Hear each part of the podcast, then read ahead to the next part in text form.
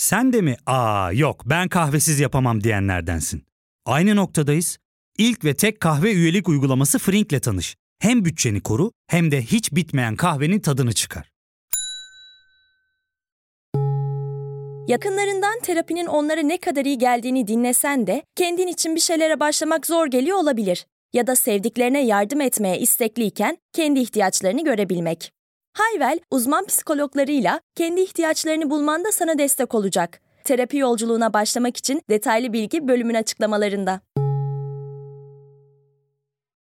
Bölüm başlığındaki hashtag'te de gördüğünüz gibi hashtag sadece duymak istedikleriniz.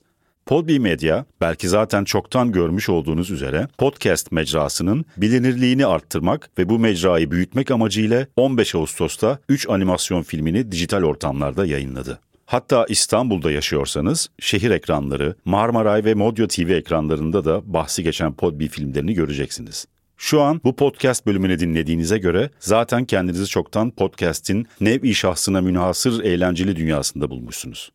Sizler de bu kampanyanın bir parçası olabilir, eşinize dostunuza podcast'ten bahsedebilirsiniz. Çok seviniriz. Çünkü tatilde, metroda, ev işlerinde, tek başınıza güzel bir yürüyüşte ve daha pek çok anınızda podcastler size eşlik edebilir. Geniş yelpazedeki bu kocaman içerik havuzundan oluşturduğunuz favorilerinizle hashtag sadece duymak istediklerinizi seçebilirsiniz. İyi dinlemeler.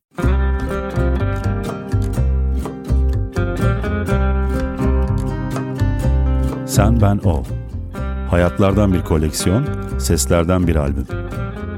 Belki sen, belki ben ya da o. İçimizden biri hayatından hikayeler anlatıyor. Tüm tuhaflığıyla, ağırlığıyla, neşesiyle ve incelikle.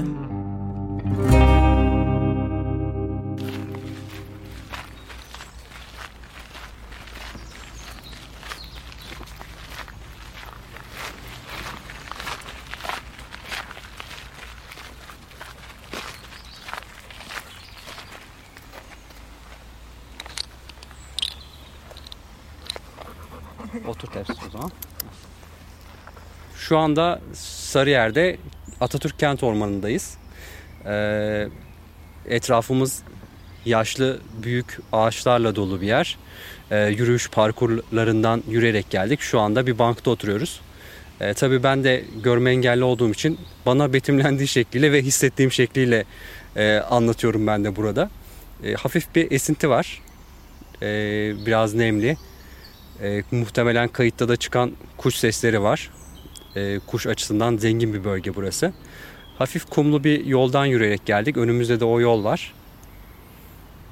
Bu şekilde. E mesela düşünsene radyo tiyatroları e, görmeyenler için e, vazgeçilemez bir şey. E, çünkü neden? İşte hmm, karşıdan Pınar geliyor çok heyecanlı görünüyor diye adam e, diyaloğun içinde e, daha doğrusu monoloğun içinde o sahneyi size betimlemiş oluyor aslında ister istemez. E, bu da görmeyene büyük bir avantaj sağlıyor. Bu podcast'ta aslında e, görmeyenler için de belki videolu olsa betimlenmeyecek kısımları betimlemiş oluyorsunuz ve herkes için betimlenmiş oluyor. Sen ben onun sadece ses üzerinden akan hikayelerini o başka türlü dinliyor aslında. 30 yaşındaki Mustafa Keskin anlamanın görmekle eş tutulduğu, görselliğin egemen olduğu bu çağda bir görme engelli. Önce bir gözünü sonra diğerini kaybetti. Yani dünyanın görünen halinden aşama aşama uzaklaştı Mustafa. Sonra hukuk okudu, ailesiyle yaşadığı şehirden çıkıp bağımsız bir hayat kurmaya cüret etti. Rehber köpeği Teps'le ormanda yürürken kayıttayız. Kalan dört duyudan, renklerden, karanlıktan konuşuyoruz. Ya aslında e, benim görmeyle ilgili maceram belki de e, bebeklik evresinden başlayan bir süreç. E, işte, doğuştan bir süre sonra oluşan bir hastalık sebebiyle önce 3 aylıkken gözümün tekini kaybettim. E, daha sonra tek gözümle 5-6 e, yaşlarına kadar e, tam gördüm. Sonra aynı hastalığın orada da sirayet etmesi sonucunda yavaş yavaş oranın da görmesini kaybettim. 9-10 e, yaşlarında artık tamamıyla görmüyordum. 11 yaşında geçirdiğim ameliyat sonucunda tamamıyla görme yetimi kaybettiğim kesinleşmiş oldu. Ee, dolayısıyla 11 yaşından itibaren şu anda 30 yaşındayım. İşte bir 19 senedir e, total görme engelliyim.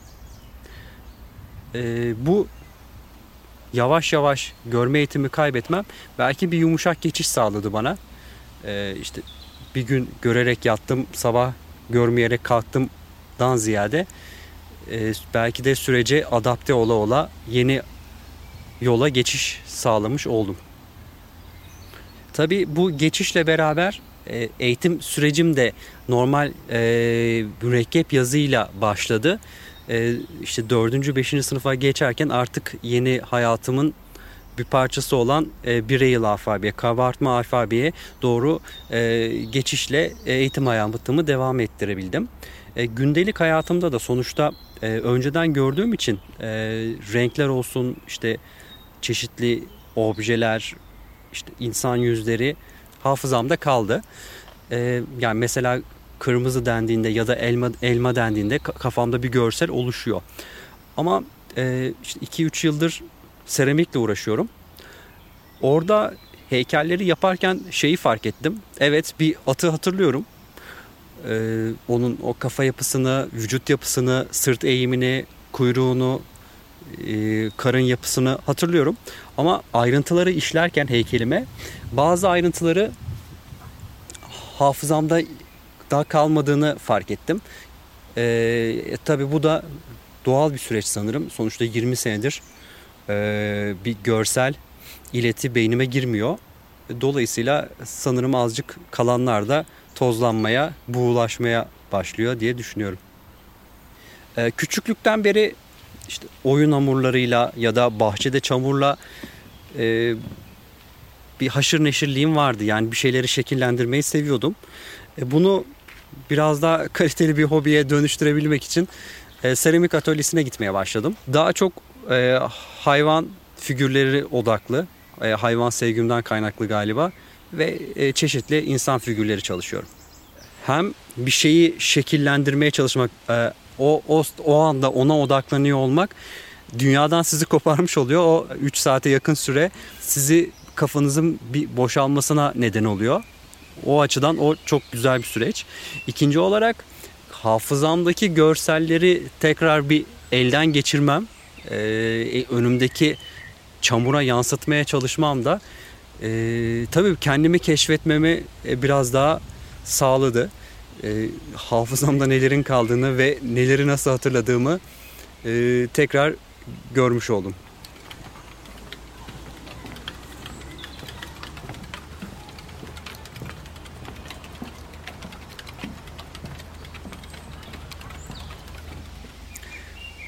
Engelli bir çocuğun, engelli bir bireyin hayatı ailesinin ufkuyla sınırlıdır.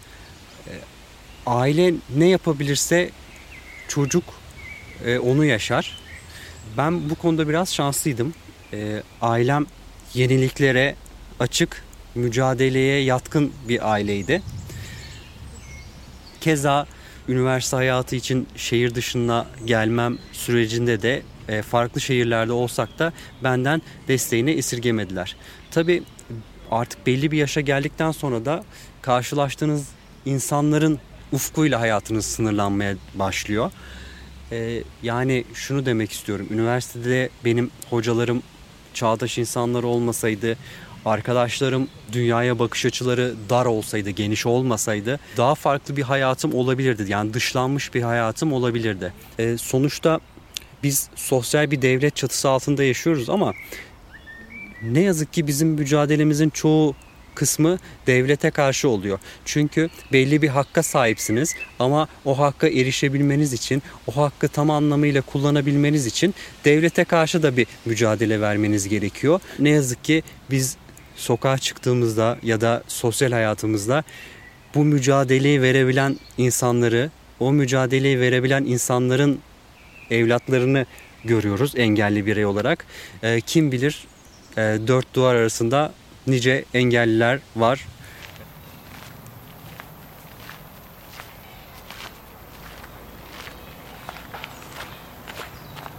Bizi bizi?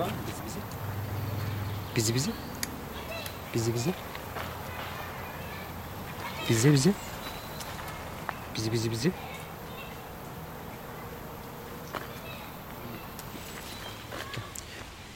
Meslek seçimimi düşündüğümden beri sanırım en baştan beri avukatlık aklımdaydı benim. Biraz da konuşmaya merakımdan ötürü böyle bir tercihe yönelmiş olabilirim. E, güzel konuşan insanlar dikkatimi çekiyor özellikle e, televizyonda, radyoda ya da sokakta.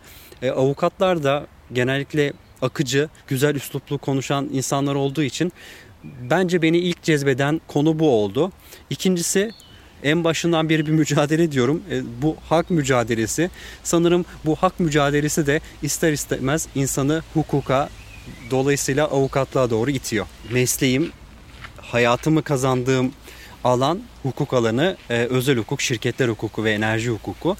Ama e, kendi hayatımı idame edebileceğim yani haklarımı elde edip onları tam anlamıyla kullanabileceğim alan insan hakları olduğu için o alanda da e, işte gerek İstanbul Barosu'ndaki görevlerim gerek STK'lardaki görevlerim yani profesyonel hayatım dışındaki gönüllü görevlerimle o alanda da mesleğimi icra etmeye çalışıyorum.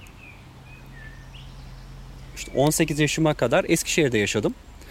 Üniversite sınavına girip fena olmayan bir puan geldikten sonra artık bir karar vermem gerekiyordu.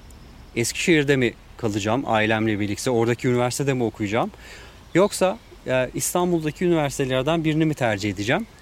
Bu zor bir karar çünkü 18 yaşına kadar ailesinin yanından ayrılmamış bir engelli genç çocuk en başta da söylemiştim ya karşılaştığınız insanların ufukları sizi şekillendiriyor diye.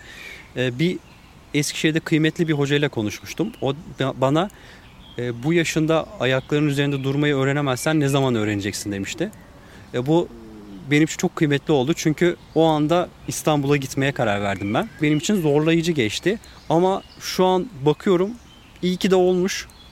Ee, iyi ki de böyle bir karar almışım, iyi ki o hocayla karşılaşmışım, iyi ki İstanbul'a gelmişim, iyi ki Koç Üniversitesi'ne gelmişim. Çünkü hayatım ondan sonra daha güzel şekillendi, daha ay, apayrı bir yola girdi diye düşünüyorum. Seni yerim, yerim, yerim. Yerim seni. Aşkım benim. İleri. Ben de bir tane böyle köpek alacağım. Ama golden değil mi bu? Hı hı. Ben de golden istiyorum. Çok akıllı oluyorlar ya. Umarım edinirsiniz bir gün. Aynen inşallah. Bulamıyorum bulabilirsem. Evet Hep inşallah. ücretle veriyorlar. Barınaklarda bulursunuz belki. Bulurum değil mi? Hı hı, aynen bulursunuz. Yemin ediyorum var kayada ya falan. insanlardan daha iyiler. Ya fark ettin mi? Biz en çok kahveye para harcıyoruz. Yok abi, bundan sonra günde bir. Aa, sen Frink kullanmıyor musun? Nasıl yani? Yani kahvenden kısmına gerek yok. Frink'e üye olursan aylık sadece 1200 TL'ye istediğin çeşit kahveyi istediğin kadar içebilirsin. Günlük 40 TL'ye sınırsız kahve mi yani? Çok iyiymiş. Aynen. Hatta şu anda 200 TL'lik bir indirim kodu da var. E hadi hemen indirip üye ol da bu fırsatı kaçırma. Terapiye başlamak, içinden çıkamadığın döngüleri kırmak, bazı yanlış bulduğun kararlarını değiştirmek ve kendinle beraber daha huzurlu bir yaşam inşa etmek için atabileceğin en değerli adımlardan biri. Hayvel ile yoğun yaşam tempona uyum sağlayarak online terapi seanslarını takvimine göre ayarlayabilirsin. Bini aşkın uzmandan sana en uygun terapisti seçebilir, podb10 koduyla indirimden yararlanabilirsin. Detaylı bilgi açıklamalardaki bağlantıda. Kayıtta şu anda e, en başta betimlemediğim bir sessiz canlı daha var. O da rehber köpeğim Teps. E, Teps benim hayatıma Kasım 2018'de girdi. Teps eğitimli bir köpek. E, yani bir görme engelli olan bana yolda ve hayatımın her evresinde eşlik ediyor. Adeta benim gözüm gibi bana rehberlik ediyor. İşte işe de benimle geliyor, restorana da benimle geliyor. Orman yürüyüşümde de bana eşlik ediyor. Evde de benimle birlikte oluyor. Bu eğitim kapsamında işte sosyal ortamlarda nasıl davranacak, işte bir görmeyene nasıl eşlik edecek gibi e, konularda eğitim aldı. E, ilk TEPS'le karşılaştığımızda tabii e, aşırı köpek seven biri olarak e, direkt e, TEPS'i sevmeye başladım. Ama sonuçta köpek eğitimli de olsa buluştuğunuz ilk anda size rehberlik etmiyor. TEPS'le biz beraber bir ay boyunca eğitim aldık. Her gün süren bir eğitim aldık. O eğitimin sonunda ikimiz de sınavdan geçerek e, beraber yaşamaya başladık.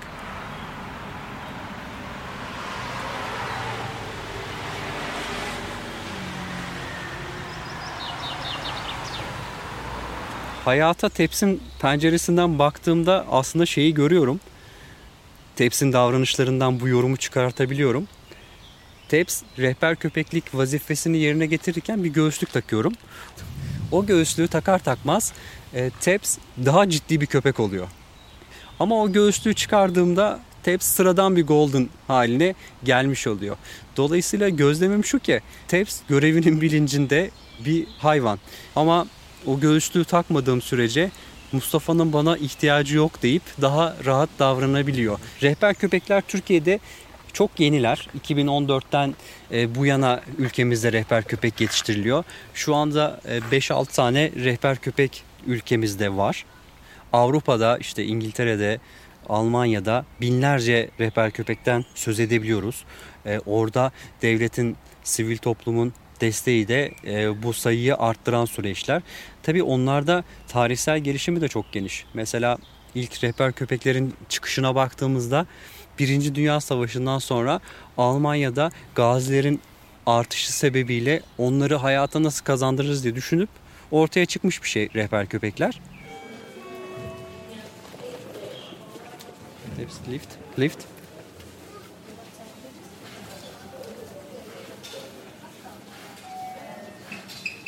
Tabii metrodaki asansörler özellikle e, engellilerin ulaşamayacağı kalabalıkta olabiliyor. Önünde uzun bir kuyruk olabiliyor.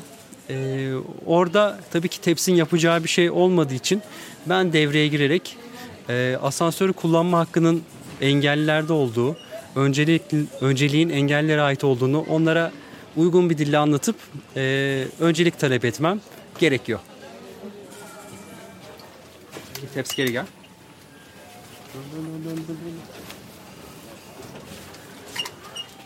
Otur şimdi. Otur ters. Ters otur. Bekliyoruz burada. Evet aferin sana. Sen çok akıllısın.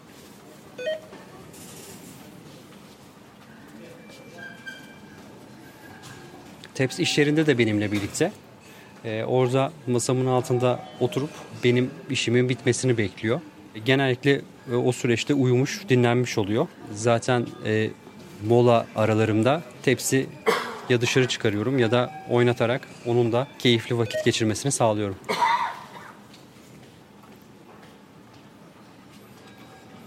Şimdi asansör beklerken yine Teps yere yatıp dinlenmeye başladı. Teps lift.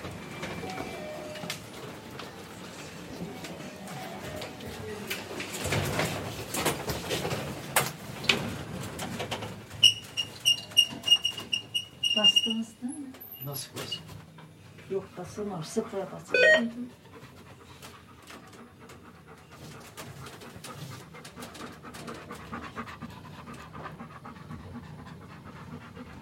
E, tepsin dikkatini dağılmaması gerekiyor. Çünkü sonuçta onun dikkatiyle biz yolda hareket edebiliyoruz. E, çevremizdeki insanların işte tepse öpücük atması, şit pişt demesi ya da onun dikkatini dağıtacak başka hareketlerde bulunması e, tepsin yolu şaşırmasına neden olabiliyor. Dolayısıyla bizim insanlardan en büyük ricamız onun dikkatini dağıtacak hareketlerde bulunmaması oluyor. E, bazı insanlar tabii köpekten korkabiliyor. E, onlara da tepsin benim için ne kadar yararlı bir canlı olduğunu anlatarak ikna ediyoruz.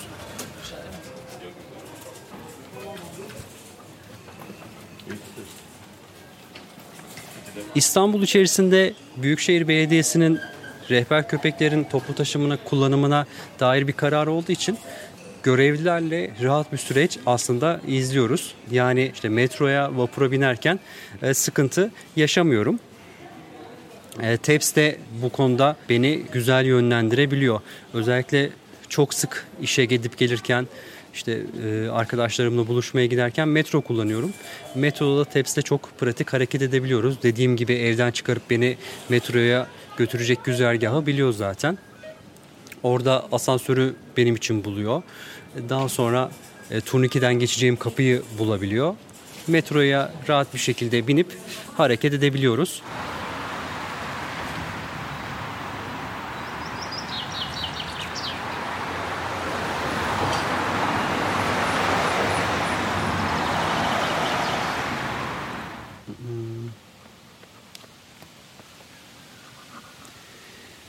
İnsanları gözlemlediğimde, e, çevremi gözlemlediğimde tabii sonuçta bir psikoloji eğitimim yok. E, dolayısıyla bir insan algısını yorumlayacak akademik birikimim yok ama e, sıradan bir insan olarak benim fark ettiğim sanırım görsellik hayatlarımızda aşırı önemli ve diğer duyuları baskılayan bir duyu, görme duyusu. E, dolayısıyla mesela bir insanla tanıştığınızda e, onun görselliği diğer insanlar üzerinde çok çabuk etki yapabiliyor. Ona karşı algısını o şekillendirebiliyor. Ama benim üzerimde yani görmeyen bir insan üzerinde o insanın konuşmaları, konuşmasındaki içeriği, bana karşı veya çevreye karşı davranışları beni daha etkileyen etmenler oluyor. Dolayısıyla onun dış görünüşü, kıyafetleri, yüzünün güzelliği, makyajı beni etkilemeyen hususlar oluyor. Dolayısıyla hayatımın diğer aşamalarında da diğer görme duyusu dışındaki diğer dört duyu benim hayatımda ister istemez daha büyük bir etkiye sahip oluyor. Mesela şu anda içerisinde bulunduğumuz ormandaki o temiz hava kokusu, o yeşilliğin, ağaçların kokusu, hafif rüzgarda ağaçların çıkardığı hışırtı, kuş sesleri ve havadaki o hafif serinlik benim için çok kıymetli. Yani o diğer dört duyunun bana kazandırdığı algılar var olduğu sürece ya niye ormana gideyim, yeşili görmeyeceğim nasıl olsa anlayışına, düşüncesine, yaklaşımına kapılmamış oluyorsunuz. Artık dijitalleşmeyle birlikte dünyanın iletişimin görsele kayıyor olması bizim için e, aslında bir erişilebilirlik sıkıntılarını, e, iletişim sıkıntılarını meydana getirdi. Mesela bir e-posta alıyorsunuz. E-posta metin kısmı görselden oluşuyor. Bir afiş olabilir bu. Bir e, etkinlik afişi olabilir ya da bir konser afişi olabilir. E, direkt o görselin metin kısmında size iletilmesi e-postanın e, sizin hiçbir şey anlamamızdan neden oluyor. Ya da keza Twitter'da, LinkedIn'da yani sosyal medya mecralarında bir görselin paylaşılması onu sizin anlayamamanıza otomatikman dışlanmanıza e, neden oluyor. Erişememiş oluyorsunuz o, o e, paylaşıma, o etkinliğe. Dolayısıyla bu dijitalleşme evet aslında ilk başta bizim için çok büyük bir arsıydı. Çünkü e, gazete okuyabilmek, e, elektronik kitaplara erişebilmek muhteşem şeylerdi. Bizim bilgiye erişimimiz konusunda e, yol büyük yol kat etti görme engeller için. Ama e, gün geçtikçe bu sefer yeni sınırlamalar, yeni bariyerler önümüze koymaya başladı.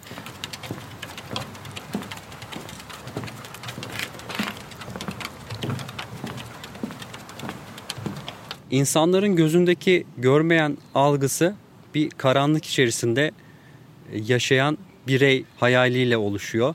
Dolayısıyla bazı etkinlikler de düzenleniyor. İşte ortamdaki bütün aydınlatmalar kapatılıp insanın eline bir baston tutuşturulup hareket etmesi isteniyor. Belki farkındalık açısından bu bir şeyler uyandırıyordur o insanda ama aslında bir görmeyen anlayışını ona yansıtmamış oluyor. Çünkü bir karanlık içerisinde değiliz. Karanlık da sonuçta gözle algılanan bir şey ama bizim algılayacak bir görme yetimiz yok ve o bir anlık karanlıkla bir hayat boyunca yaşanan görmeme aynı ifadeyi insanda yaratmıyor. Aynı algıyı yaratmıyor. Çünkü öbüründe hayatınız o olunca ona bir uyum sağlıyorsunuz. O sürece alışıyorsunuz. Ama bir anlık işte bir saat boyunca karanlıkta yaşamak benim bile şu anda tahayyül edemeyeceğim bir sıkıntı, bir iç sıkıntısı yaratan bir süreç bence. Seramik dışında da spor yapmaya çalışıyorum, ağırlık yapmaya çalışıyorum. Ormanda yürüyüş yapmaya çalışıyorum.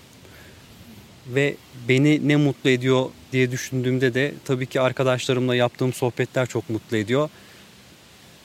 Ve zirve noktası da bir şeyleri yemek. Tatlı tüketmek, işte yemek yemek. Hayır. Yiyorum sadece.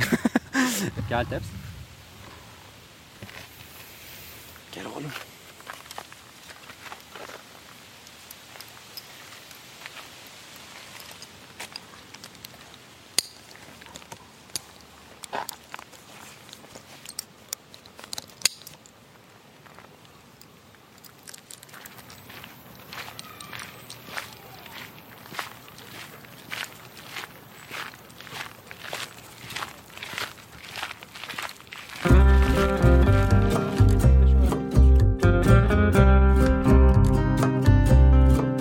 Pınar Öğünç'ün hazırladığı Sen Ben O, bir Podbi Medya yapımı.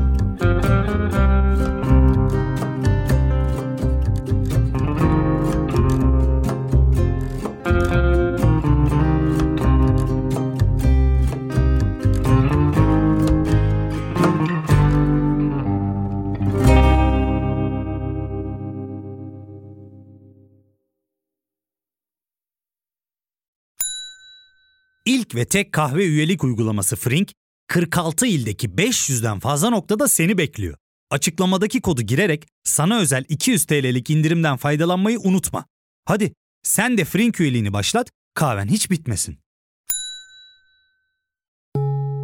Hem bugününe hem yarınına katacaklarıyla terapi yolculuğuna ve daha iyi hissetmeye bugün Hayvel ile başla. Açıklamadaki linkten Hayvel'i indir, ücretsiz tanışma görüşmelerinin ardından bütçene uygun seans paketini seç ve terapi yolculuğuna başla.